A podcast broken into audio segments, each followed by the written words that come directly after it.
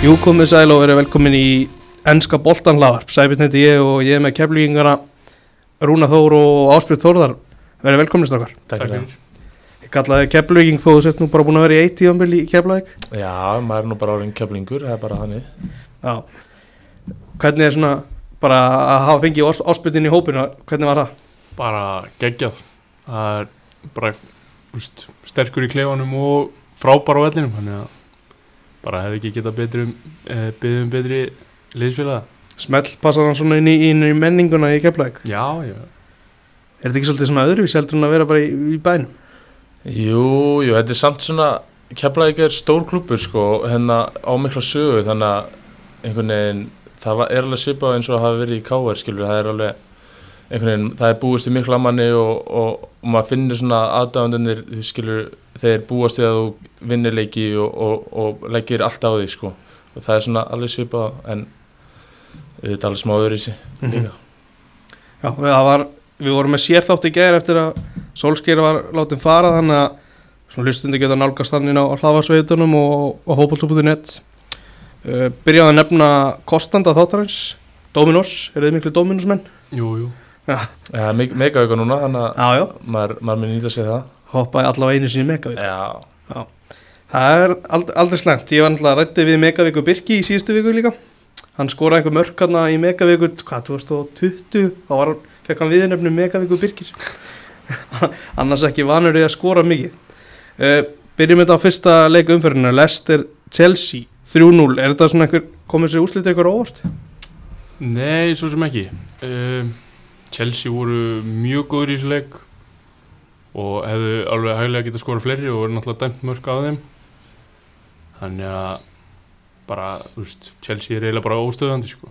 Já, þetta er bara svona, þeir eru bara orð- orðnir einhver svona vél sko sem er einhvern veginn alveg, maður sé bara fram á að, að þeir geta alveg gert alveg stóra hluti í ár sko, þannig að, ég veit ekki, þetta komir ekki á óvart sko, þeir, hérna, og Lester er ekki búin að vera svo góður sko, ekki, ekki eins og voru í fyrra og hérna, það vantar eitthvað upp á finnst mér hjá Lester. Mm -hmm. bara þú veist Chelsea liðið er með svona er með vangbakveliði er East James og Ben Chilwell sem eru bara hvað, þeir, þeir eru hættlustu menn líka bara fram á því þannig það að þú verandi, þú veist, spilandi ofta í bakveri horfur mikið á þá Já, þeir, þeir eru geggjaði báði tveir sko og hérna ég, ég spila vangbökkur líka hérna þegar ég var hjá grótt og svona og, og þetta er alltaf önnur staða sko hérna þú, þú, fær, þú ert ekki að hafa mikla ráki hvað er fyrir aftæði sko og það sýnir sér alveg hjá þeim, þeir eru bara þeir eru bara upp í hæstu línu oft og, og eru náttúrulega eins og segir, þeir eru hættulegustu menn og það er, það er geggjað að horfa á það sko, þeir eru alltaf með geggjaða spinnutækni báði tveir og, og hérna og Rhys James er, er að stimpla sinn sem bara einna betri bakurinn deldarinn sko. mm -hmm. Rúna, það verður alltaf ekki tekið að þér að þú ert líka já. svo það sé tekið fram uh, þú veist, Ben Chilwell, hann spilur það í svona í, svipari stöð og þú nema hann kannski fær að vera aðeins framar út af því að það eru með þryggjamanna línu. Já, uh, bara þeir leikir sem ég sé með Chelsea, þú veist. Mér þeir einhvern veginn aldrei líklega til að fá þessi mörg Þú veist, með Rúdíker eftir að Tuch- Tuchel tók við Rúdíker er bara orðið eitthvað skrimsli, sko, veist, það er bara maður sér það bara ekki fá þessi mörg með Mendy í markinu og þannig að eins og Ási segir, skilur, þú veist, að með vangbakurina, þú veist, þeir þurfa ekkert mikið að pæla í svona hvað er fyrir aftan þá. Þú veist, þeir eru alltaf með þess að þrjá tilbaka og svo er, þú veist, Horginjó fyrir fram að vörnina, þannig að þeir eru alltaf svona fjóri tilbaka. Akkurat, og, kantið þarna líka á miðinu bara út um allt þannig að þetta er ekkert- er ekkert stress þó þeir tapir boltanum hátt upp á vellinu Nei, þeir, þeir eru hérna, þeir eru með geggjalið núna og eins og segir, bara kanti vinnur allt hérna sem að er laust sko og, og hérna og svo eru þeir náttúrulega bara, þeir eru með bara þrjá góða miðuri líka skilur það er, það er bara Tiago Silva sem er mjög reynslu mikill og hérna og Rúdik er bara einhvern veginn búin að finna sig aftur bara orðin geggjaður. Og svo er bara einhver þriðja með þeim hérna Tjaloba sem er bara nýkomin inn og hann, hann búin að flottur. Mm -hmm. Mér líst alveg vel á hann sko og, og eða bara einhver annar með þeim, það, er það skiptir ekki máli. Þeir eru, þeir eru mjög flottir Chelsea sko Já, ég, held að Chalópa sé búin að fá að spila svolítið mikið sko fyrsta leik alltaf eftir landsleikili ég held að þetta sé eitthvað, okay, hann sé að ný, nýta hann veist það, þegar hann er með hann alltaf á æfingarsvæðinu og meðan hinn er farið í eitthvað verkefni. Mm, þá hann, hann fengi að það kemur ekkert óvart sem að hann myndi ekki spila næsta leik. Nei, já. Einmitt, það var gaman að sjá sko því hann, hann var alveg góður í þessu leik. Mm. og hérna en já, hann nýtti bara sensi sem hann fekk hérna í, í fyrsta leik og skoraði og hérna, og ég er búin að fá sensa síðan þá og ég, ég ef ég væri Chelsea eða Tuchel þá myndi ég þá myndi ég spila honum sko af því hann er ungur og, og uppalinn og, og hérna flottur sko. Mm Er þeir betri án Lukaku? bara veit það ekki. Hann var ekki eftir að sjá það eiginlega bara, Jú, hann, hann er ég- búin að fá einhverja hvað, tvo, þrjá leiki? Ég horfði Já, hans fleiri hann í byrjun, já. eða það, Já. Með Arsenal leikin þar sem Lukaku spilaði, þú veist, fyrsti leikurinn. Mm veist, það var náttúrulega Pablo Mari í miðverði. Já, já. og þú veist, það var bara eins og strákur í fjórðaflokki á móti mestralókstrák, sko, þetta var bara vandræðilegt Já. Hann á pottet eftir að nýtast þeim helviti vel sko. Mm hann er bara, hann er bara skrimsli en maður er eftir að sjá hvort að, hvort að heldur áfram hennar gott gengi ef hann, þegar hann kemur tilbaka Akkurat. Kom, komst það þess inn á, á Lester að þeir voru, þeir hafa hérna, hafa verið í brasi og, og það segir sér svolítið sjálft þegar þú ert að gera tvær skiptingar í hálfleik að þú veist ekki, þú veist ekki alveg með á hreinu hvað er besta liðið. Hvað finnst ykkur svona, er það munur á Lester núna og kannski bara síðustu tvö ár? Já, góð spurning sko ég, ég er ekki búin að sjá marga leiki með lestin núna ég, ég sá eitthvað hennar þessum Chelsea leik. Mér fannst bara ekkert verið í gangi sko. Það var bara einhvern veginn Chelsea, var, þetta var bara rúst sko. Það var bara engin hætta Vardy fekk enga hjálp eða svona enga aðstóð sko. Uh, Mattisson er búin að vera frekar lélur Mhm. með við senust ár sko. Og hérna það er svona hann, hann, hann var alveg mikilvægur þegar hann var góður sko. Já. en líka bara þegar þú ert með Daniel Amartey í byrjunarleginu, það er svona segir þér að já, það er ekkit að ganga vel hjá þér, sko Nei, það vantar eitthvað upp á. já, hann var ekki sérstakur í þessum leik Nei, samt átti sennilega bara eina hættilustu tilurinn að skot fyrir þann deg, sko. já, Það er hörku skot. bara frábær markværsla líka hjá, Já. þú veist Mendy Já, Já ég er sammálaði að Martey er, er ekki, er, hann er ekki frábær leikmaður, hann er eitthvað svona þegar það er vesen þá kannski setur hann inn sko. vantar einhver vegna meðsla og svo leis uh, Hoppum inn í næsta leik, það er fyrsti leikur Steven Gerrard sem stjóri Aston Villa 2-0 Þú veist Ég horfði hans á hann hann var ekkert rosalega skemmtilegur. Mm. það var mjög lítið að gerast í rauninu, þá til í lokleiks þegar Aston Villa svona klárar þetta hversu mikilvægt er að, er að byrja á séri það er eh, bara fárulega mikilvægt og hérna heldur sé bara mjög gott bara bæði fyrir Gerrard og leikmennar sko, bara einhvern veginn að fá svona smá nýja byrjun og, og byrja á sigri og einhvern veginn ná sigurum í lokin, ég held að það gefi þeim bara mjög mikið fyrir næsta leiki og hérna og ég bara vona það, ég er mikill Steven Gerrard maður og hérna ég vona eiginlega bara að þeir vinni alla leiki sko. Þú ert alltaf stundsmaður Leopold ertu, þú veist, ertu orðin þá svolítið mikið svona, er Aston Villa það alveg klálega nummer tvö núna Já, ég myndi segja það sko ég, svona, maður er alveg að býða þangu til bara, eða svona ekki ég er náttúrulega, maður elskar klopp Mhm. og hann bara svona, þú veist ég elska hann ekkit eðla mikið en ef það er einhver sem ég myndi vilja fá fyrir utan hann það að Steven Gerrard og ég vona bara hann gangi vel þannig að, þannig að hann komi einhvern veginn tilbúin til Liverpool ég er Mhm. bara að býða til því sko að því að maður veit að klopp er ekki að fara ekki að fara að gera nýja samning eða svona, ég held að það sé vita sko þannig að þetta var mjög fallegt að sjá hann hérna á vellinum að fagna á einhvern veginn. Mm uh, Í Aston Villa er eitthvað svona áttur eitthvað svona uh, leikmann rúnar sem að þér finnst eitthvað svona að fylgist með meira en annar, þú veist, ertu þú veist, þessu Ollie Watkins sem skorar annað marki eða Target vinstri bakurinn, ertu, þú veist, fylgist með eitthvað svona leikmanni sérstaklega hana?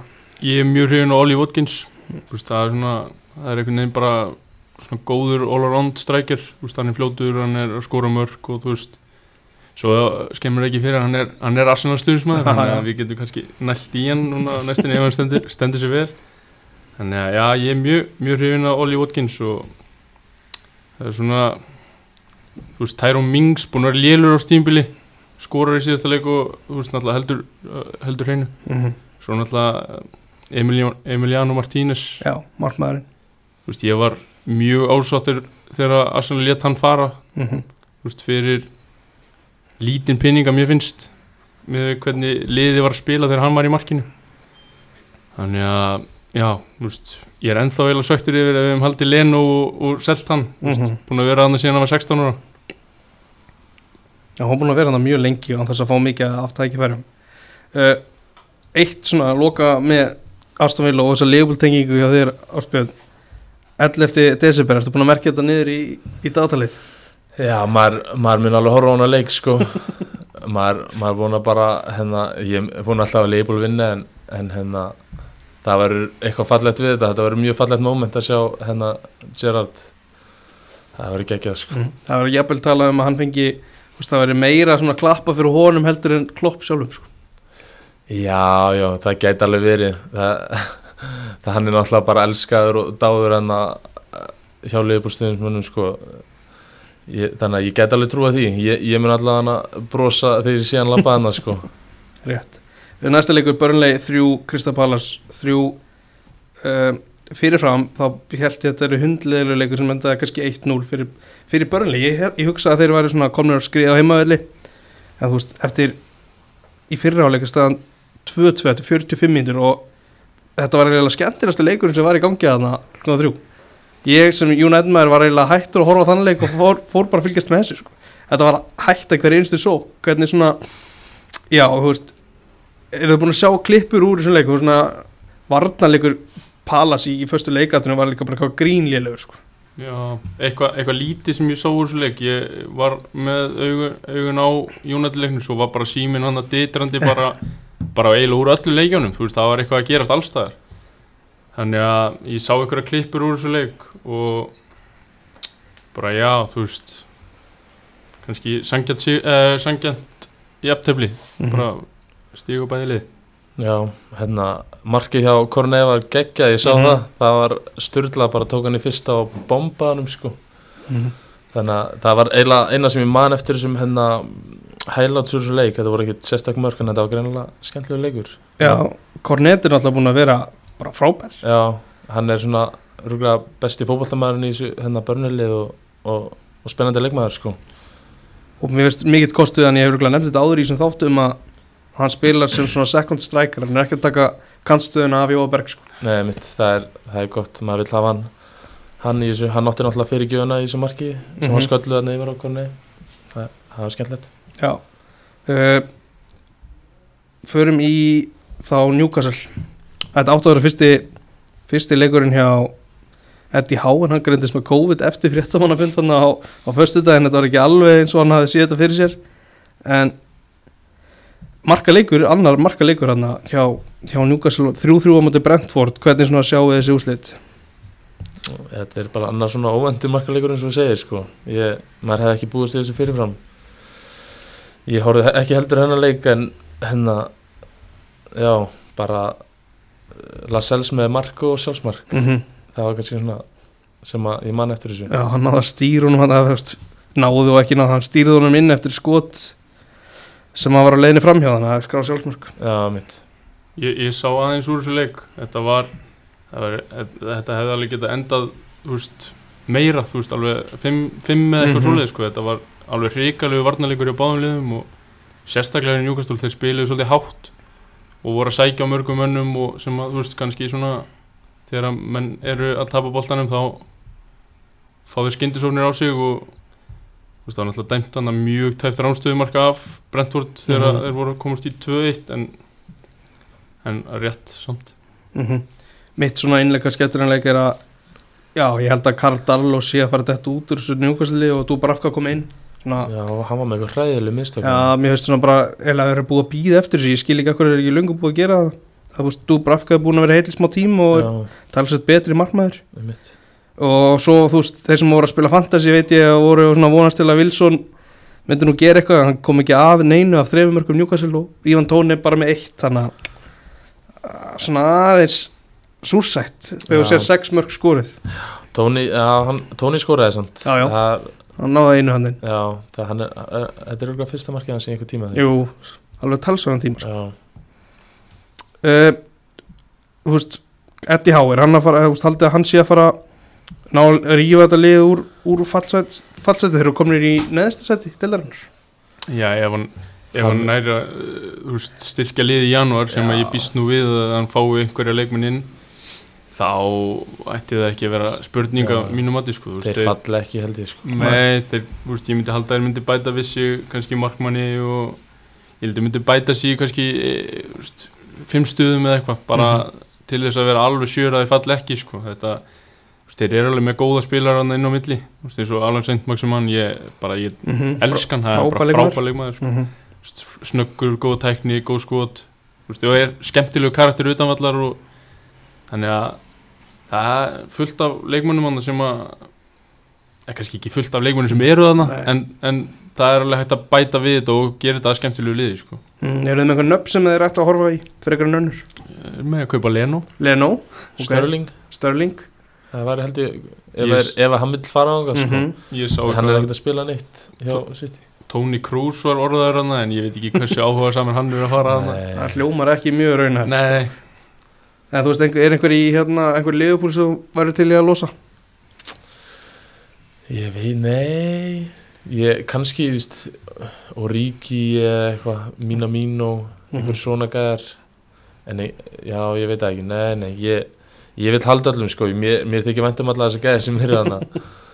Lefa Natt Phillips að spila setni hlutan Já, sko, ég vil sjá hérna bara Konati koma í liði sem fyrst sko, mm -hmm. hérna ef að, ef að náum að hérna, drilla hann aðeins og leifa honum að spila og, og hann og Van Dijk verða hann saman það það gæti orðið hérna helviti gott hérna dúo í bakverðin, nei, hérna í miðurunum Akkurat. Uh, Næsta leikur Norvits 2 Sáðandan 1 Dean Smith hraðalistinn hún er fann að stað og byrjar Norvits búið að vinna allt í einu tvo leikir og er ekki í neðsta sæti deildarinnar.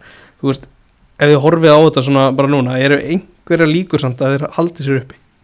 miða við hópinn þá myndi ég ekki halda það. Nei, Þú veist, það er kannski svona svipa með þá og Newcastle, þeir eru með svona skemmtilega leikmenn inn á milli en þeir þyrst alveg að bæta við sig ef þeir að halda sér uppi myndi ég halda en maður svona kannski finnst líklega að Newcastle gera það með nýju eigundunum og svona alltaf Pukki sem að, veist, hann skorar alltaf eitthvað tímann sko, þú veist. Og já, en Brandon Williams í, í vinstir baki ég, ég er ekki United maður en veist, þetta er eitt slagur leikmaður finnst mér sko. Já, það er ekki mikið hann er ekki að bjóða upp á mikið. En eins og þú segir, Pukki að skora annað leikin í röð og Grant Hanley sem hefur fengið að mikla gaggrinni fyrir að vera bara ekki góðu leikmaður hann er eitthvað með að svona rýdíma sig aðeins og, klára þetta með vinnar Já, það er geggjað hjá honum sko. En ég ég held að þeir verða hérna að nýta sér þetta moment eða að gera eitthvað. Þessi tvo sigri í röð og halda því áfram. Ég, ég sé ekki marga hana leikmenn sem eru eitthvað svakalega góðir. Kantvel ekkert búin að vera neitt eins og hann var hérna fyrir tveim árum. Mm -hmm. sem að, og þá var hann þeirra besti leikmaður eiginlega fyrir þá kannski búki eða eitthvað en ég, ég, ég er ekkert mjög hrifinn af Norvítsliðinu Nei, er mjög óvænt. Uh, Já, að koma tilbaka til eitthvað smá meðsli, hann að það getur verið eitthvað innspytting þar og Billy Gilmore komin inn í lið. Þú veist, ef maður er að horfa hérna sem einhver rugglaður norðismæður, sko, þá ekki svona getur verið eitthvað þarna. Já, já, það, er- það er von. Já, það er von, hún er veik en það er von. Já, uh, Sándón, þeir aðeins út í þá þegar þeir komast yfir á fjóruð myndu en samt, þú veist, þetta er eitthvað þú veist, ég bjóst við Sándón í alvöru vesinni að þeir eru búin að eiginlega vera að spila fyrir ofan svona mína væntingar. Getið, þú veist, eru þið saman á því? já Ég, ég held einmitt að þeir myndu verið í alveg vesinni sko. Þeir eru ekkert eitthvað með stæðstu nöfnin, þú veist eins og þeir sækja hann að Livramento frá Chelsea og, og hann er bara að standa sig þvílíkt vel og, og svona þú veist þetta er kannski svona minni nöfn sem að veist, eru góðir sem að kannski svona færri þekkja og svona. Mm -hmm. og með náttúrulega mönnum sem hafa verið hann í, í einhver, einhver ár. En já eins og ég segi þú veist þetta er, eru að spila betur en maður bjóst við sko.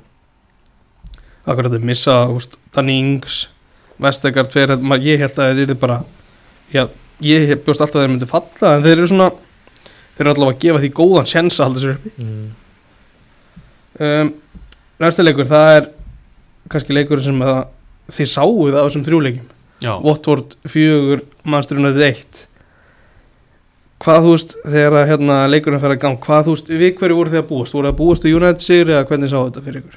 Sko, mér finnst bara un undarfæri bara United alltaf svona ólíklara lið til að vinna bara, bara stemmingi með klubnum og þú veist, allir einhvern veginn óli átt og þú veist, ég var einhvern veginn held þetta myndi fara jafntefli en svo bara svona eftir fyrsta kortir í 20 mínútur þá bara sá maður að Watford bara þeim langaði miklu meira og þú veist, voru bara miklu miklu betri mm -hmm. þannig að en fjögur eitt hefði maður aldrei gískað á sko. Veist, svo held maður þegar að þeir minga munum í 2-1 að það var eitthvað þeir, þeir spiluðu miklu betur þá og maður held að það væri eitthvað með þeim en svo fær náttúrulega Harry Maguire rautt spjald annað með uh, second touches og tackle sko. já, já, þetta var ræðilegt að horfa á þetta En svo voru þeir nefnilega aðeins svona Sóttu aðeins í sig veðrið sko eftir að hann fekk rauðarspjaldin Mhm. mm -hmm.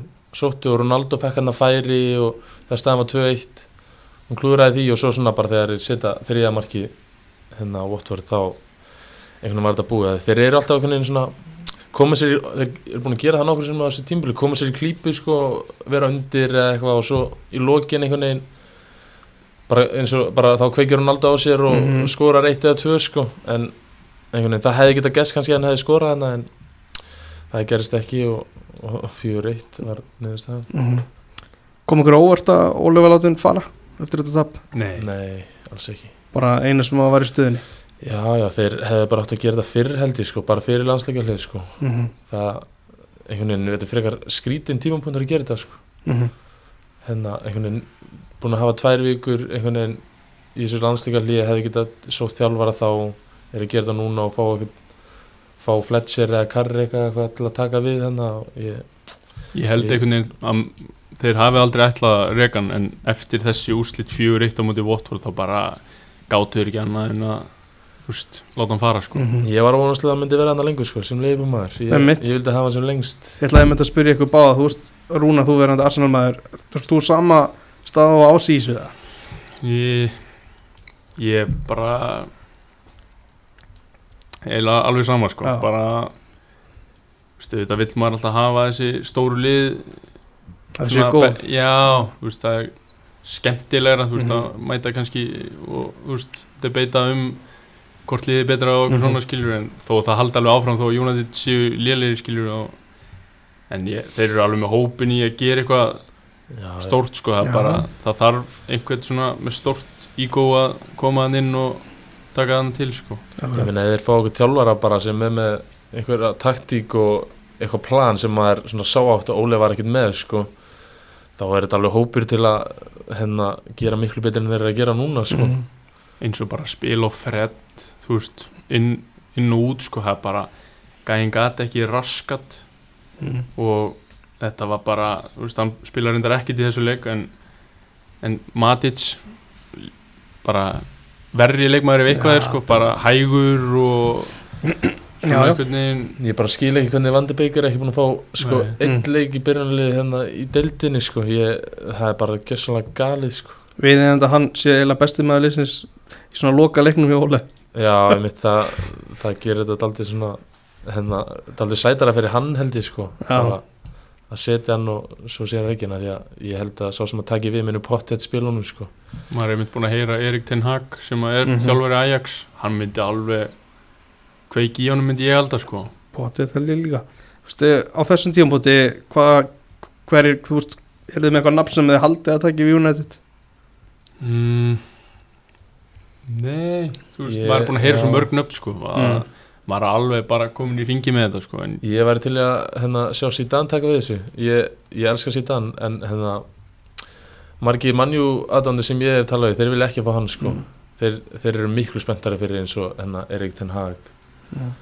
og hérna einhvern veginn, já en ég bara, Zidane er alltaf nettu gæði og mér, það var eitthvað skemmtilegt að fá hann í, í dildina sko það var mjög áhugaverð tilhörun Já. allavega sko. Já, mikið tala um að Pochettino sé svona sá sem er sé svona jafnvel líklegast til Já. að er hann bara á þannig samningi á PSG, hann bara getur hlaupið í burtu ja? Já, ég skil það ekki sko en hann virðist vera maður er bara eitthvað búin að sjá það, hann Já. bara getur bara farið núna bara og Mm. skiptið þér, ég skil ekki alveg hvernig hann virðist vera eitthvað ósáttur hann hjá PSG Já, og ég var eitthvað að heyra fjölskyldur hann að spýra á Englandi þannig að ok. getur verið eitthvað sko. Já, hann er náttúrulega góðið þjálfur líka sko. en Watford, þeir voru það verður það ekki tekið að þeim þeir voru góðir í þessu leik þú þeir veist, voru stórkostlýr þeir Og- voru bara geggjar þessu fremstu menn hjá þeim voru bara að bara valda United-mönnum vandræðum bara trekk í trekk í trekk sko. bara þú veist ég veit það ekki. Mér finnst bara varnarleikun hjá United eins og þeir nefntu sig ekki. Mm. veist það var svo mikið eitthvað svona ah, ekki fyrsta sinn. Nei en veist að ég veit það ekki. Það var bara menn voru ekki að fara 100% í návi og var alveg sama þó að maðurinn færi fram hjá þeim og það var svo mikið eitthvað svona sem að veist náttúrulega ef þú sinnir þessu ekki sem fótballtamaður þá er ansið mikið að sko, mm Já, bara einhvern veginn að nýta sér ekki að hérna, þetta ekki að vera tvö víti sko, einhvern veginn að allir allir sér ekki bara alveg þvílít peppaðir og einhvern veginn nýta þetta moment að snúa leiknu við en í staðin bara hérna skoraðir frekar tvö og ég veit ekki, það er eitthvað sem skrítið finnst manni, Mhm. sem hérna fótbollamæður og hérna vitandi hvernig tilfinningin er þegar markmaðurinn verður víti, maður einhvern veginn verður, þú veist, það breytur oft leiknum -hmm. en það gerist ekki mikið hjá manni þótt að hann hafi varið tvö viti Nei. en þú veist svo staðrenda að hann te- fær að taka vítið aftur kom það eitthvað óvart eða þú veist Já. er eitthvað skrítin regla mér fannst það fáralegt sko. Já. mér fannst það hefði frekar bara átt að vera markspinna og áfram með leikin sko, Mm. af því að, að því að Watford maðurinn sem er ósnöggurinn teg og hann fær einhvern veginn að að hérna njóta góðs að því sko, hérna, að bara þeir, Watford menn að fá að víta aftur, ég skildi ekki neitt sko. Ég, já, þetta er þetta er frekar fyrirlegt Þú veist, ef hann hefði skorað þá hann náttúrulega ekki neitt, pælt í þessu mm -hmm. það, það hefði aldrei verið Þannig þetta að- sko. Já, ég veit ekki, þetta er frekar skrítið sko. Já, ég, ég bara fatta ekki regla að væri svona hún virðist bara vera ég veit ekki alveg hvort það var því að United menn fóru líka eitthvað aðeins og undan eitthvað þetta var mjög furðulegt sko. Já, ég, ég, var með, ég með þetta geða í hérna draftinu þannig ég hefði viljað vilja fá tvö varin víti sko. það er þægilegt Já. uh, Já, ég held að það er alltaf eins og er, við tökum kannski smá United og eftir í viðbót förum yfir í Wolves 1, Vestham 0 Vestham svona lið sem að er búið að vera svona gæla við fjólasæti og, og er kannski hvað líklegast í að berjast. Já, þú veistu, þeir eru talsett líklegir í að, í að vera að berjast um fjólasæti þeir tapa á útvöldum átti Wolves, hvernig svona komið þessu úrslitur ykkur á óvart?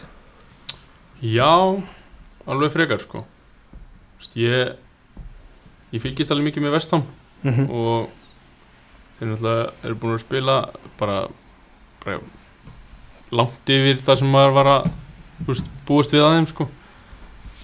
En já, þú veist, þeir geta einhvern veginn tapa fyrir öllum og unnið alla. En eru, eru alveg með gott lið. En ég, ég já, Þetta er, já, þetta var hérna, Wolves eru líka búin að vera fínir sko, hérna þeir eru í sjötta sæti núna skilur sem að er líka einhvern veginn ofar en maður hefði kannski haldið. Já, og með að við byrjum líka Já, einmitt. Og þetta voru bara svona tvö lið sem eru kannski að spila frekar vel núna að, mætast og hérna og greinlega bara mjög jafn leikur sem að hérna sem að Wolves gerir vel í og, og, og sækir þrjú stig en hérna en það sá ekki mikið úr þessu leik en, en það er mjög, mjög vel gert hjá Wolves að sækja sigur hérna mm, Ég get alltaf sagt þeim sem sá ekki að, markið fyrir á Hímenis var mjög flott sko. ok, hann tók það mjög vel og maður að Vestam náði ekki að þeir einhvern veginn náði ekki að opna opna heimamenn en eitt eitthvað ráði sko. um, Já, Vúls í sjötta seti það er nú það er byrjandi, blúsandi gangur á því Já sko. Þeir eru, eru greinlega Mhm. mm. hérna, Flottir þessi hérna Hí Chan Huang Já, hann er búin að koma mjög sterkur inn og Já, sínt að hann getur skorað svona annað en hann sýndi í Þýskalandi. Einmitt. Hann var skorað eitthvað, ég held að skorað null mörg fyrir hérna Leipzig að kom sko. Já, hann er strax búin að gera betur. Já, bara miklu betur. Uh, 16.30 þá eru byrjunarlegin tilkynnt fyrir og Arsenal á lögadaginn og bara byrjum á þér Rúnar. Var eitthvað sem kom þér óvart í uppstillingu Arsenal mm, nei, þetta er svona eiginlega bara það sama og er búið að vera í síðustu leikjum nema þú veist að partey kemur inn fyrir Maitland Niles frá síðasta leik mm -hmm. En maður hefði kannski viljað sjá einhverja breytingar Þú veist, Lagasett og Abameng hafa ekkert verið frá, eða Lagasett hefur komið alveg með kraft Mhm. en svona Aubameyang hefur frekar slagur síðustu já. svona þrjá, fjóra leiki hann hefur bara ekki verið góður og ég ég ekki það, ég vilja hafa hann á bekknum þú veist, það er, hann er alltaf einhvern veginn hann er alltaf einhvern veginn líklegur þó að þú veist, hann hafi ekki verið góður síðustu tvo-þrjá leiki þú veist, þá getur maður ekki tekið svona mann úr liðinu fyrirlið liðsins og, og svoleiðis en það er kannski já, svona kannski út af því að Tierney var búinn að vera að spila með Skotlandi maður hefði kannski haldið að hann hefði komið inn fyrir Tavares en samt fyrir þennan leik þá var Tavares búinn að vera góður Mhm. þegar að leikurinn hefst? Hvað, hvaða svona væntingar hafið, þú til Arsenal leysins um, Ég var bara auðvitað vonast ég eftir sigri en ég var svona búinn að sætta mig í aðtöfli en en þú veist eftir fyrstu 30 mínútur þá er geta maður að segja, þú veist, þeir voru alveg fínir Mhm. fyrstu 30 sko. Það voru bara mjög góðir allar sérstaklega fyrstu 20 Þannig að en eins og bara eftir að Klopp og Arteta fóru að rífast þá kveikti það einhvern veginn í Anfield Mhm. og þú veist, allt var að þeirri sig Arsenal kom allavega við boltan eftir það sko. það, það var erfitt já uh, Ási, hvernig fannst þér svona að sjá liði hjá hjá Leopold, var eitthvað sem kom þér óvart ekki mikið hérna Robertson alltaf eitthvað tæpur þannig að sem eitthvað sem er bara búin að vera mjög flottur hann spilar kom Mhm. inn og hérna kannski Oxlade skilur svona smá skrítið í, aðeins í byrjunlega, ekkert skrítið bara hérna hendur svona bekknum í staðin einhvern veginn maður bjóst kannski ekki við því en hann var bara svona ágætur sko annars var þetta mjög hefðbindi bara Fabinho og Tiago að miðinu bara gullfallegt sko þeir eru bara ég verði til að hafa það í hverjum leik sko. Það Tiago, varst hann að spila virkilega vel já, þeir einhvern veginn, það er eins og þeir virkið mjög vel saman sko. Mhm. Fabinho og Tiago, það er bara einhvern veginn Tiago náttúrulega, nei hérna Fabinho vinnur, vinnur mjög mikið hérna varnarlega sko og svo er, hann bara ekkit eðlilega góður í fótball þannig Tiago -hmm. sem er mjög gaman að sjá Já, mér fannst sko ef ég var að horfa á hann leik ég hugsaði ekki að þetta færi 4-0 en svona um leið og, og Leopold skora fyrsta marki þá vissi ég alveg hvaða lið myndi vinna sko. já, Já. ég hérna við vorum náttúrulega búin að fá góð færi og Ramstur búin að verja hérna Mhm. alveg vel fyrir sko ég mér fannst ég, ég var aldrei hrættur sko sem hérna þegar ég var að horfa á þetta ég var, ég, ég fekk aldrei á tilfinninguna að Arsenal var að fara að gera eitthvað skilur kannski, ég alveg, kannski alveg getað búist við því að Leifbúl myndi en að ég eru líka með að ná inn marki að því að Ramstil var að standa sig alveg vel. En já eins og þú segir þegar fyrsta marki kom þá þá var ekki mikið held ég að fara að stoppa á sko. Nei, tölfræðin í, í hérna í setna áleik, hún er basically eins og þetta sé einstefna því að þú veist, Arsenal á alveg tvö skot á marki en það, þeir voru ekki líklegir í að Nei. gera neitt. Nei, alls ekki. Og þú veist, bara ég hefði ef að ég hugsaði það í hálfleik bara taka annarkort á Bameyang eða laga sett út og henda Gabriel Martinelli inn á mm -hmm. sem að er snöggur og bara keirir á menn. Ég skil ekki af hverju hann hefur ekki fengið fleiri tækifæri út af því ég er sko ég, ég dýrk hann sko mm veist, hann, hann er svo ógeðslega fljótur.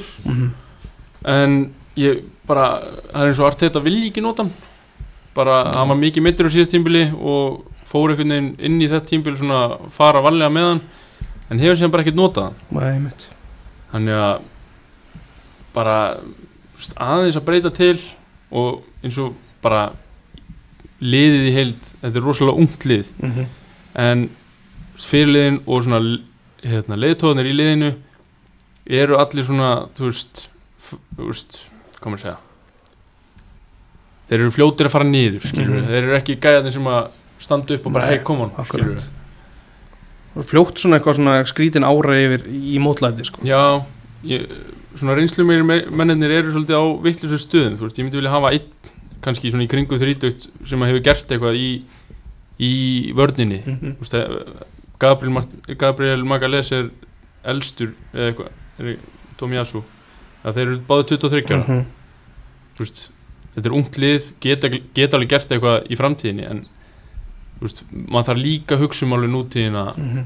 finnst mér, veist, á móti Liverpool, á móti City, á móti Chelsea þá hafa, þá hef ég hort á Arsenal og mér hafa ekki fundist þeir hafa átt mikinn séns í þessum leikjum hvað, hvað vantar upp á þetta skref í, í toppliðin Ég held að það sé einmitt bara það sem ég var að nefna sko. Þú veist að það vanti smá reynslu í lið auðvitað er alveg kaupst, eh, kaupstönda liðsins er bara að kaupa leikmenn ekki eldri en 23 ára mm -hmm. og þú veist ég, ég er miklu ánæður með að Tavares og Lokonga voru að gera sér miðstök frekar en Viljan og veist, Já, já einhverju svoleiðis mm -hmm. en mér varst bara svo mikið í þessu leik að hann vantaði svolítið bara, herru, við erum ekki að ná þessu spörkum honum bara fram Mm -hmm. En í staðin vorum við að bara reyna að senda hann og vorum að tapa honum trekk í trekk Já. og þú veist, vorum að fá skyndisóknir á okkur og, og sem að mér fannst að leikmennir inn á vellinum hefði kannski þurft að lesa hans betur í og bara, þú veist, þjapa sér saman og bara setja kannski eitt, tvo langa og sjá hvað myndi gerast þar, sko. Varstu fegin að að Arsenal nýtti sér ekki þessar fyrstu 20 myndir þegar voru svona voru, þú veist, alveg teikna á lofta að myndi skora? Það varstu aldrei stressaður á sig Nei, ég, eins og ég segi, ég var ekki, ég var aldrei, hérna, ég fekk aldrei á tilfinninguna í þessu leika að Arsenal væri að fara að gera eitthvað að skora, mér fannst þið bara, mér fannst þið ekki spila þennan leik eitthvað vel, sko, þeir voru bara að spila, hérna, spila boltanum alltaf út og liðbúl að pressa og hápressa og þeir að reyna að spila hann inn í teig og, og hérna, Tavares bara assista mark, þannig bara, Mhm. gefur, gefur hann bara Jota inn í teig og, og hérna, já, ég veit það ekki, þeir, hérna þeir voru ekki að gefa mér eitthvað svona eitthvað, eitthvað tilfinningu eins og þeir var að fara að gera mikið fannst mér Mér finnst henda þessum top 3 liðum alveg frábælega þegar Já. hinn liðin svona reyn eitthvað aðeins að pressa já, þá bara opnast allt og verður annarkvort að pressa alveg á fullu eða bara droppa alveg tilbaka Algjörlega. þess að hálfpressa hún bara og mínum enn í United það er bara grín sko að horfa það. Ég var samt ánægð með margt í fyrirháleik Mhm. sérstaklega bara, þú veist, við vorum svona að reyna að hægja á leiknum. Veist, að brjóta, brjóta niður sóknir veist, að gefa þeim aukaspilnur sem hann alltaf kemur síðan uh, marki kemur síðan upp úr. En það það brot fannst mér kannski einhvern veginn óþarfi út af því að veist, hann var að hlaupa inn í traffík Mhm. og þú veist, meðan hinnir voru kannski að brjóta sókninu niður bara á miðjunni eða kannski fyrir aftan miðju eða eitthvað svoleiðis. Þannig að, en Þetta- ég, ég var ánægð með það þú veist, þeir voru frekar aggressív þú veist, Tavares fannst mér alveg góður í fyrirháleik þó hann hafi verið alveg arfarslagur í setniháleik, þú veist, gefið þetta mark og átti eitthvað tvær, þrjár sendingar í viðbútt sem að fóru bara, þú veist, í gegn sko, þannig að en Já, hann er alveg, hann er svona fljótur og sterkur en það er eins og sendingunar hjá honum séu eitthvað aðeins off. Já, og kannski var hann eitthvað stressaður eða alltaf stór leikur og svona, Mhm. en svona eh, fyrir utan sendingunar þá var hann svona ágætur en hitt var allt og slemt sko.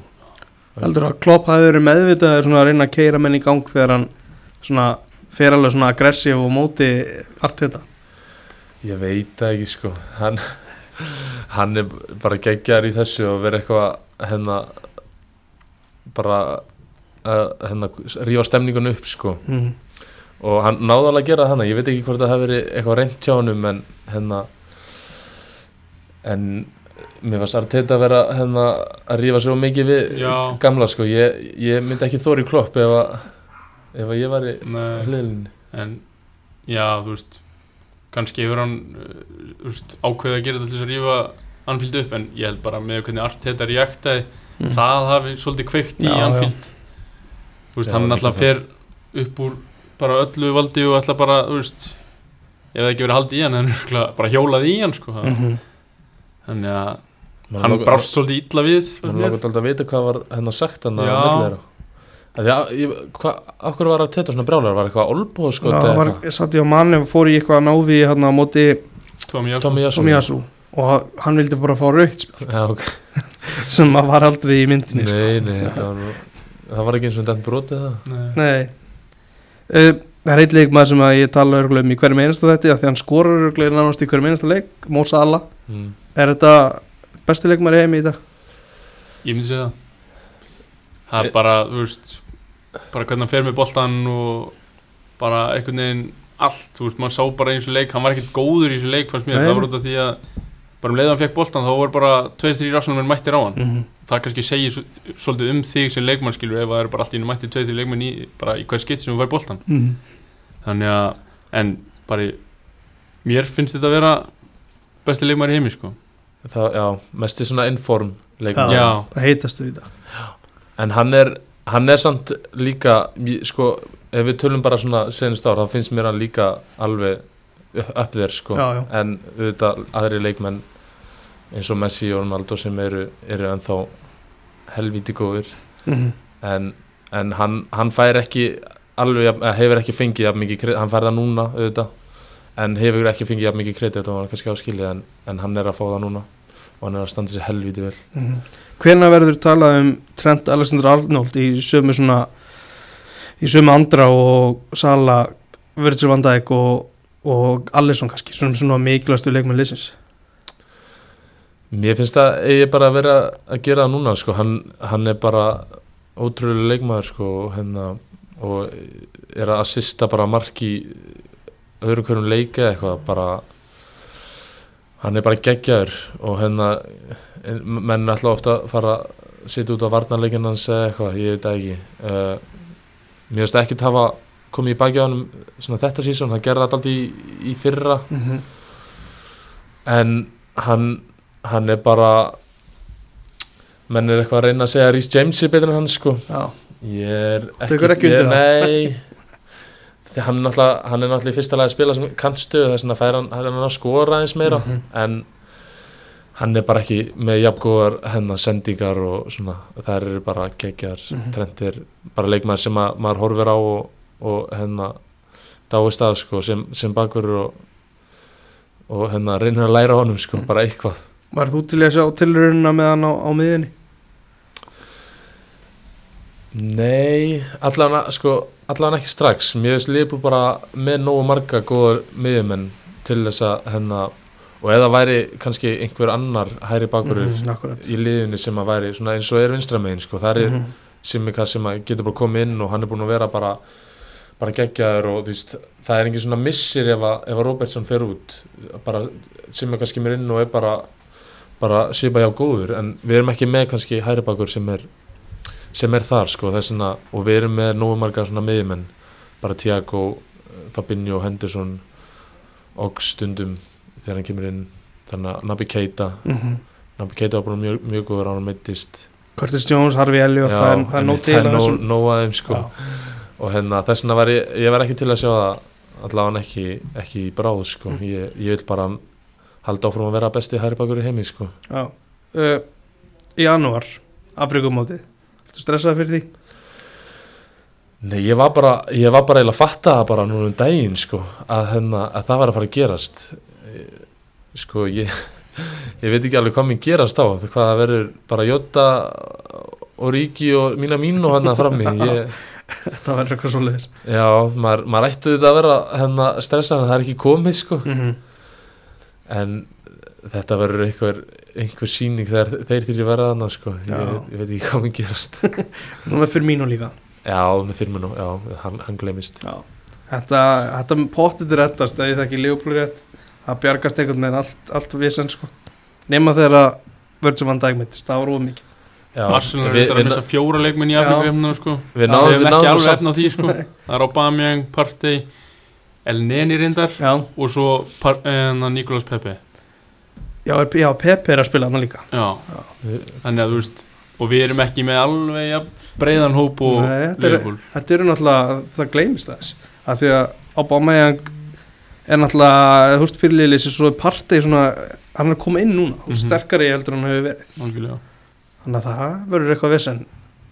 Þú er ekki að fara, þú veist, ég, ég, myndi, ég var að horfa á hann leik og svo segi ég hérna El Neni hann er bara ennþá þarna. Já, já, þú veist, það Er hann búin að vera eitthvað að spila? Ég hef ekki hann séð það að bara. koma inn á í, í undanfjöldu leikjum, hann kom inn á á móti Watford í ykkur tími og var bara mjög fýtt sko.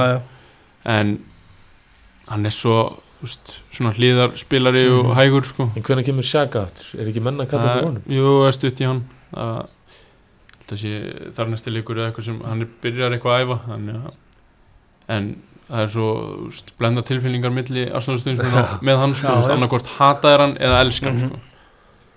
Viltu fá týrni inn fyrir næsta leik? Já, ég Já. er mikill Tierney maður Mm. og, og horfi mikið upp til hans Mhm. og bara dýrkan Bakur er á þínu skapi já, bara svona áræðin og fljótur og, og bara með góða krossa Mhm. er, það ein, er það eina breyting, er þú með eitthvað annað sem vilt uh, fá Pepe inn eða eitthvað svo leiðis nei, alls ekki hann, hann er svo mikill klappari á boltan og hægir svo áhöllu og ég held að Tierney sé inn í maður sem ég myndi setja inn í liði fyrir næsta leik. Og hann er svona einhvern veginn næst í finnst mér að vera fyrirliði liðsins. Mm hann er veist, svolítið lítir og er að tala og er að veist, peppa menn áfram og veist, hann er einmitt öðruvíseldur og þú sagðir einmitt með þessa fremstu menn og kannski ába með hvað veist, hann myndi fara að rífa menn í gang. Já, já, hinn er kannski hann hengja hausinn sko. Hann var orðið marafyrirlu eftir hann að hvað heitir hann, Brown Já, Celtic, bara þegar hann var orðin tvítur eða eitthvað sko. Mm þannig að þú tekur náttúrulega bandið ekki af Scott Brown. Nei, það er að- erfiðara. þannig að segi, segi svolítið um þig kannski skilur mm -hmm. ef þú ert komin þarna bara tvítur sko. Er eitthvað, veist, eitthvað, eitthvað annað við hennar leik sem ég vilja bæta við nei, er ekki búin að fara yfir þetta mest jú, allt? held ég. Tökum aðeins Arsenal í, eins og við tökum United eftir í lokin. Sunnudagurinn, það byrjaði á Manchester City á móti Everton á Etihad 3-0 niðurstan og það var eiginlega aldrei spurning hvort liðið myndi vinna þannig leik. Nei, 77% possession, ég held að það hefði verið aðeins minna það er bara fáránlega tölur sko. þetta var bara einstefna frá, fyrst, frá fyrstu mínútu sko. Mm -hmm. og bara stóðsendingin hjá Cancelo wow. er Það bara var- eitthvað það- það flottasta sem ég séð sko. Þetta var styrla bara, ég veit ekki hvernig hann sá bara störling í þvögunan og bara tók hann utafótar og en ef það er einhver maður sem hefði getað klúður á þessari stóðsendingu þá er það Störling sko. Hann var alltaf kiksaði hann bara upp í hodnið sko. þetta var bara, ég vissi ekki hvað var að gerast. Ég skildi ekki hvað, hvernig hann sá þetta Nei, þetta var bara, þetta var líka svo einhvern veginn, hún var svo bein sendingin en ég bara þetta var ótrúlegt sko, bara utafótar og hárréttan stað sko. þú veist, svona bara ég velti fyrir mér, þú veist, þegar þegar að bara þið eru á æfingu og eitthvað, þú veist, er eru þið eitthvað tíma, þú veist, láta ykkur eitthvað svona dett, dett í því hug að gera eitthvað svona sendingar Já, ég veit Já, það ekki, já. maður en það hefnast ekkert sko Nei, það efnast ekki þið reynir Já, maður er svona, kannski sérstaklega eftir að sé eitthvað svona, svona já, maður kannski reynir þetta aðeins Svo það hann svo, eitthvað sko. virka svo auðvelt svona, svo prófum maður þetta og maður er bara ha? Þetta er galið dæmi. Þetta er kosturinn við kannski að hann sé að spila hann út í vinstra megin hann getur left sér að gera þetta. Já, hann er ekkit eðla góður, mm. Cancelo Hann er búin að vera frábær þessi leiktið Já, Svo var hann kannski ekki, það var ekkit mikið síður að marki hjá Rodri í upphæði setni nei, Smelli þetta. Já það var alvöru mark. Það var líka óvænt sko, maður er ekkit að sjá hann mikið svona Nei. eitthvað, gera eitthvað sóknarlega svona hann er ekkit mikið að skjóta boltanum en hann, hann getur að greinla já, Þetta var hörku skot. Þetta þessi fyrstu tvö mörk að við komum svona komin á óvart að því maður bjóst bara við einhverju flottu spili í gegn og svo harka einhverju marki en Já, þetta var bara búin að vera einhvern veginn einhvern veginn, maður, maður kannski sjá fram á að, að Evertón myndi kannski ná að bara, ég veit ekki, harka út leikin Mm. bara hann inn í teig og, Mhm. og sækja stig sko, en en, en hérna allan út í hálfleik sko. já, Michael Keane bara skalla þetta bolta í burtu Já. og eitthvað þá var best að reyna eitthvað annað bara þá bara fór ég að fór ég utanfótasendingarnar og langskotin sko. Já uh, Já, það er hérna Bernardo skora svo svona pínu, það er svolítið mikil hefnistimpill í að boltinn fellur hérna fyrir hann inn í tegnum en þú veist, var eitthvað sem að koma eitthvað óvart í svona leiku, þú veist, eitthvað í uppstillingu eða já, náttúrulega hérna nýji nýji Palmer. Palmer. Já. Hann var, hann var bara fýtt sko. Mm hann var bara hann hefði nú getað skorað sko. Hann fekk hérna fekk ágætis færi, hann, hann reyndar svona tötsan en hann hefði getað bara reyndar stýr, stýra nú markið og hérna. En hann hefði þurft aðeins meira hefni þá hefði hann sett eitt sko en, en, en hann er ekkert að fara að vera kannski hérna byrjunlega strækja fyrir sitt í nitt hérna þegar þeir ná að kaupa eitthvað sko en, eða þegar, eða þegar Jesus er hérna hann kom sér alveg í færi en var ekki sérlega samfærandi þegar hann var í færunum. Mér fannst það samt alveg hérna sko vera svona áræðin, hann bara skaut boltan og fekk hann og hann Já, var já. svona feimin eitt við það en, en ég eins og ég segir að kannski vantaði aðeins upp á. Mhm. uh, Það er hérna Jack Grealish náttúrulega vantilega kemur inn fyrir næsta leik De Bruyne er í, í COVID einhvern veginn svona ok, það er svona tíðindi fyrir leikina Grealish er tæpur, Foden er tæpur og De Bruyne sé veikur þannig er kannski einhver séns en svo var bara engin séns Nei. Nei. þeir voru aldrei að fara að skora á mútið sitt og um leið á fyrsta marki var kom þá vissur hvernig þetta færi sko. Þeir eru alveg með leikmenn og bekknum þú veist eins og Gabriel Jesus, Mhm. Fernandinho Ruben Díaz sem, sem kemur ekki eins og inn á sko. setja samt, þú veist, setja Nathan Eik inn á uh -huh. Maris á bekknum, maður kannski hef- hefði haldið að Maris hefði byrjað stæðin fyrir Störling veist, með hvernig tímbilið búið þróast. En Störling fekk náttúrulega dauða færið hann í setnáleik sem hann ákvaða að taka touch og Mhm. var eitthvað alveg glatað og þegar hann fær tíma til þess að hugsa þá var þetta vesen. Já, hann á bara að láta vaða strax. Pep Rúlettan, hún er við. Það veit ekki hvernig hann var að spila. Já, uh, hérna fyrsti deildarsigur Conte kom á móti Leeds 2-1 endur komu sigur þetta, eh, það var svo, svo sem ekki mikið í kortunum um að það tóttir um að væri að fara að vinna leik. Nei, Nei. fyrir mér var það bara lélegir sko. Mm. Það var bara hérna Mér fannst bæði mörkið hérna líka bara svona frekar ógsleg sko. Það voru mjög mikil hefnstimpil í og hérna ég, já, ég mér finnst hérna tóttan ekki vera að heilla mann sko mikið. Allan, allan það sem komið er á leikteginni sko krúsjál að vinna samt þegar þú átt svona já, vondan leik. Já, það kannski kannski gefur um eitthvað sko og líka náttúrulega fyrsti leikurinn undir konti þannig að hann, hann er náttúrulega mikil sigurveri sko og, og, og hérna vonandi spýtar hann einhver lífi í þessa gæja þarna sem að eru ekki búin að vera að geta neitt sko. Já Kane var ekki, hann var ekki góður í eina sekundu fast mér í þessu leik. nei, hann mér, Son var heldur ekki góður. Nei það er eitthvað sem vantar upp á það já það þarf eitthvað að sparkira sem að kenn mm það, hvað er, það er komið eitt mark? Ég held það já. Ég held sko mitt þetta er, veist, og það er komið nóvember sko. það, skoraði ekki nema sjö í landsleiki hlínu en það var reyndar á móti aðeins veikari anstæðingu jú, jú. já, já, uh, það er eitt hérna, Regulón þeir eru nú báði bakverðir í eins og hefur komið fram oftar en einu er það, þú veist þetta er svona, svona típa sem er mér finnst hann uh, spennandi og, og svona góðu leikmaður svona, og í þessu leik var hann svona, fannst mér svona lítbað eksempul, svona aðeins að reyna að keira minn í gang. Já hann, er, hann var alveg flottur sko. Og, og hann er auðvitað bara góður leikmaður var náttúrulega hjá Real og, og það sem hann er bara svona búin að sína er, er alveg fínt. En einhvern veginn ég hefði samt alveg búist við meiru Mm. held ég. Mm -hmm. maður einhvern veginn var alveg mjög spenntur þegar hann kom og tóttunum voru mjög spenntir. Þetta er alltaf alveg frábælega þegar hann kom til tóttunum Mhm. og hefur svona aðeins kannski svona ekki alveg staðist þeim vænt, Nei, þær vendingar sem að maður svona setti þegar hann var að spila fyrstu leikina. En hann, hann búin að vera mjög flottur núna bara síðustu leiki sko og er bara náttúrulega eldsnöggur.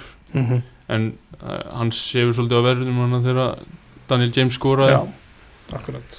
Það getur líka verið trikkið í þessari þryggja manna vörn að bakurinn veit ekki alveg hvenar hann Mm. alltaf og hvað uh, Já, það er svo sem ekki mikið um hann að leika að segja því þetta voru nú ekki fallegu mörg eins og komið fram hjá Tottenham. Þá hérna langar mig að enda þetta rauninni á svona smá pælingum varandi fjóruðarsætið af því að top 3 er svona á lás myndi ég halda og ég held að flesti sér samanlægi Mm. en hvaða lið er að fara að enda í fjóruðarsæti? Arsenal já, nei, nei Nei, ok, já, nei, nei hjá Ása, hver, hver, hvaða lið er að fara enda í fjóruðarsæti? sko sko mér finnst auðvitað alveg vera mannjú sko ef, Mhm. að, ef þeir fá góðan þjálfara sem að næra hennar breyta eitthvað hennar og, og þegar Cristiano rekkur í gang sko alminnilega hann náttúrulega alveg búin að vera góður sko en, en þegar hann fyrir að setja svona hann er búin að ekki búin að skora daldi núna í senstu leikum Að minna, já. Í deildinni sko. Mhm. þá finnst mér að þeir ættu að taka fjórasæti sko en ég var náttúrulega til að sjá eitthvað svona skemmtilegt eins og Vestham eða, eða eitthvað þannig. Ég var til að sjá Vestham taka fjórasæti en mér finnst auðvitað svari vera og líklegast að mannjú gera það. Mhm.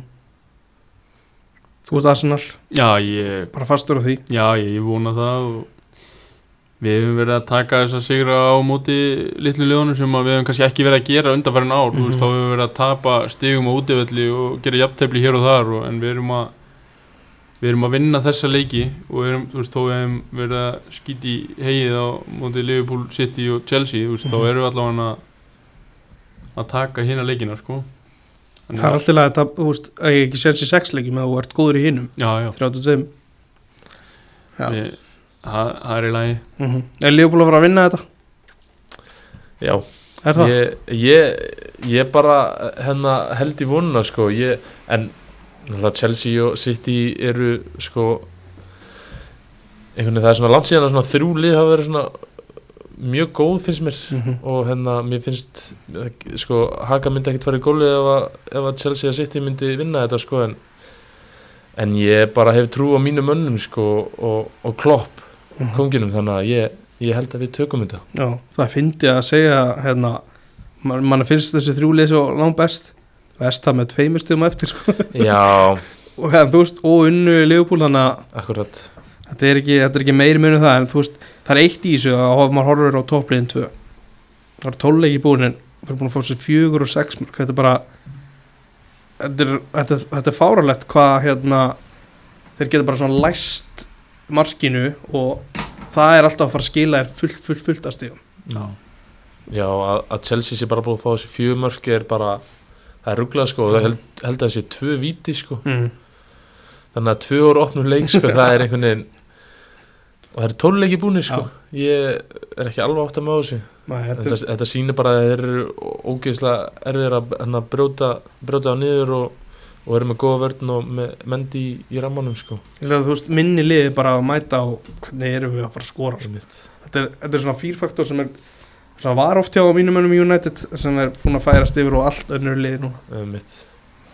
Uh, já, er eitthvað svona er eitthvað að loka strákar, eitthvað sem þið vil segja þú, ég ætla að spyrja þig Rúnar út í bara heilsuna þér, hvenar ert þú að fara aftur á völlin? bara ég er svona reyna að gera með það vendingar bara annarkort svona miðjan sent í desember eða bara í janúar. Veist það er ekkert í gangi núna sem ég þarf að flýta mér í. Veist eins og ég var svolítið óþólumöður í sumar vildi ná ykkur leikjum sem kannski var mér að falli uh, núna, eða veist sem ég er að díla við núna. Mm -hmm. þannig að ég er bara fullu, fullu að reyna að koma tilbaka og verið í góðu standi þegar ég verið komið tilbaka.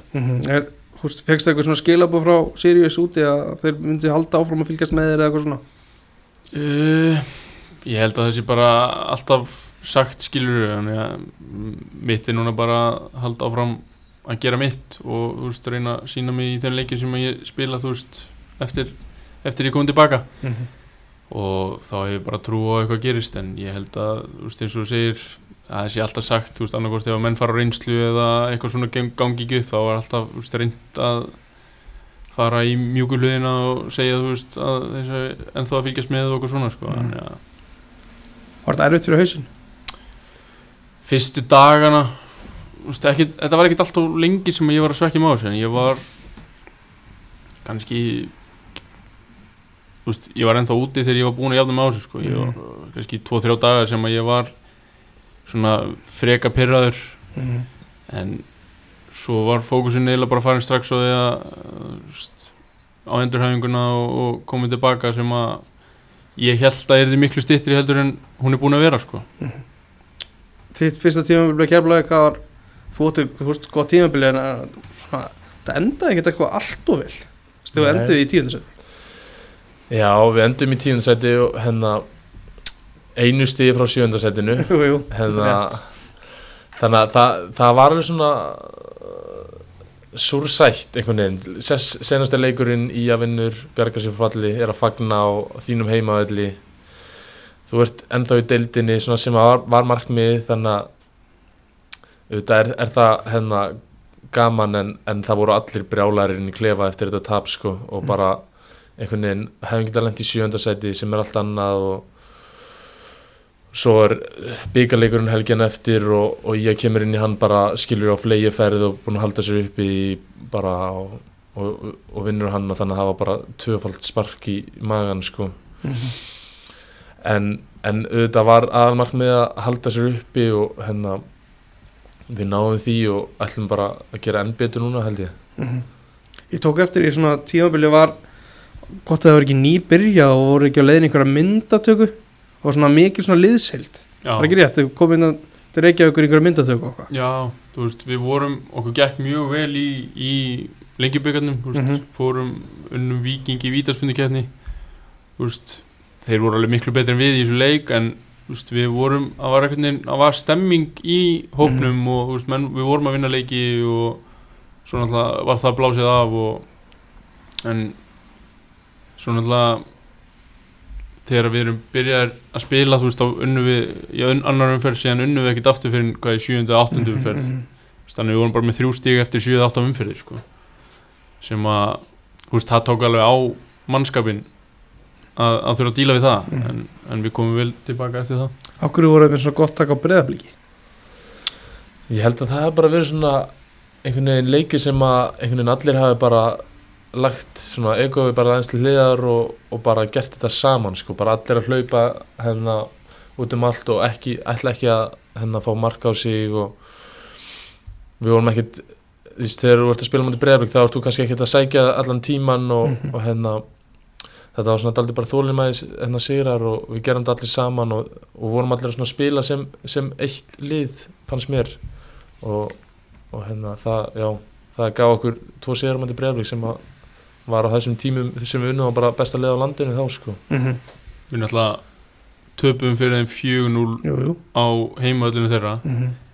en við byrjuðum alveg leikin vel og þangað til við fengum víti á okkur sem að var frekar þú veist svona heimskulegt brot finnst mér og það er svolítið svona setur leikin í öðru sér horf skilur þannig að við þurfum að breyta aðeins skipulæginu og svo bara þú veist bara sloknar á okkur í ykkur fimm mínútur og þá bara fáum við þrjú mörg á okkur sem að það er, það er hættulegt á móti svona liðum Já. sem breyðarblik Mhm. að að gefa þeim bara smá þá, þá bara ráðast þeir ráðast þeir á því sko Mhm.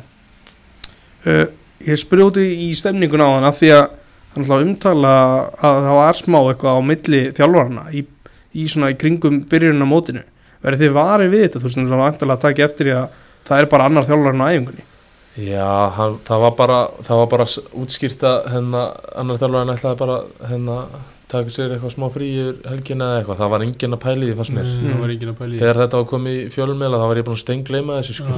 Það var bara, einhvern veginn, það var bara það var bara, víst, það var bara verið að minna mann á þetta þarna og allir að spurja mig bara hvað er Já. brjála hana ég bara, nei bara, ég bara man ekki, víst, ég var bara búin að steingleima þessu og víst, þeir bara þeir leistu þetta bara strax held ég sko þetta var þetta var ekkert svona þetta var ekki tekið inn í, inn í hópin eða neitt sko Mér fannst við lítið finna fyrir þessu sko. Þú Mm, veist, ef, að, ef að það hefur verið einhver kergi á milli þeirra sko.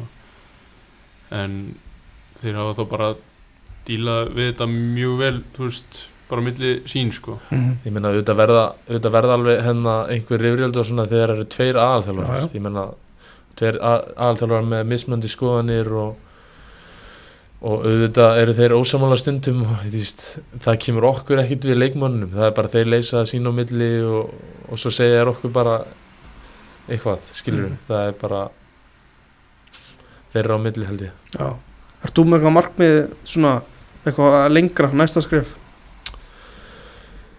Já, ég meina auðvitað er alltaf bara draumurinn að fara út sko, að vera að spila sem atvinnumæður um, einhvern veginn þó að maður eigi alveg hérna nóg eftir í það en maður bara heldur áfram að, að reyna að bæta sig og hérna ég, maður hefur bara trú á sjálfu sér og hérna að reyna að gera það með því að sína sig í hverjum leik og, og, og gefa sér allan fram sko.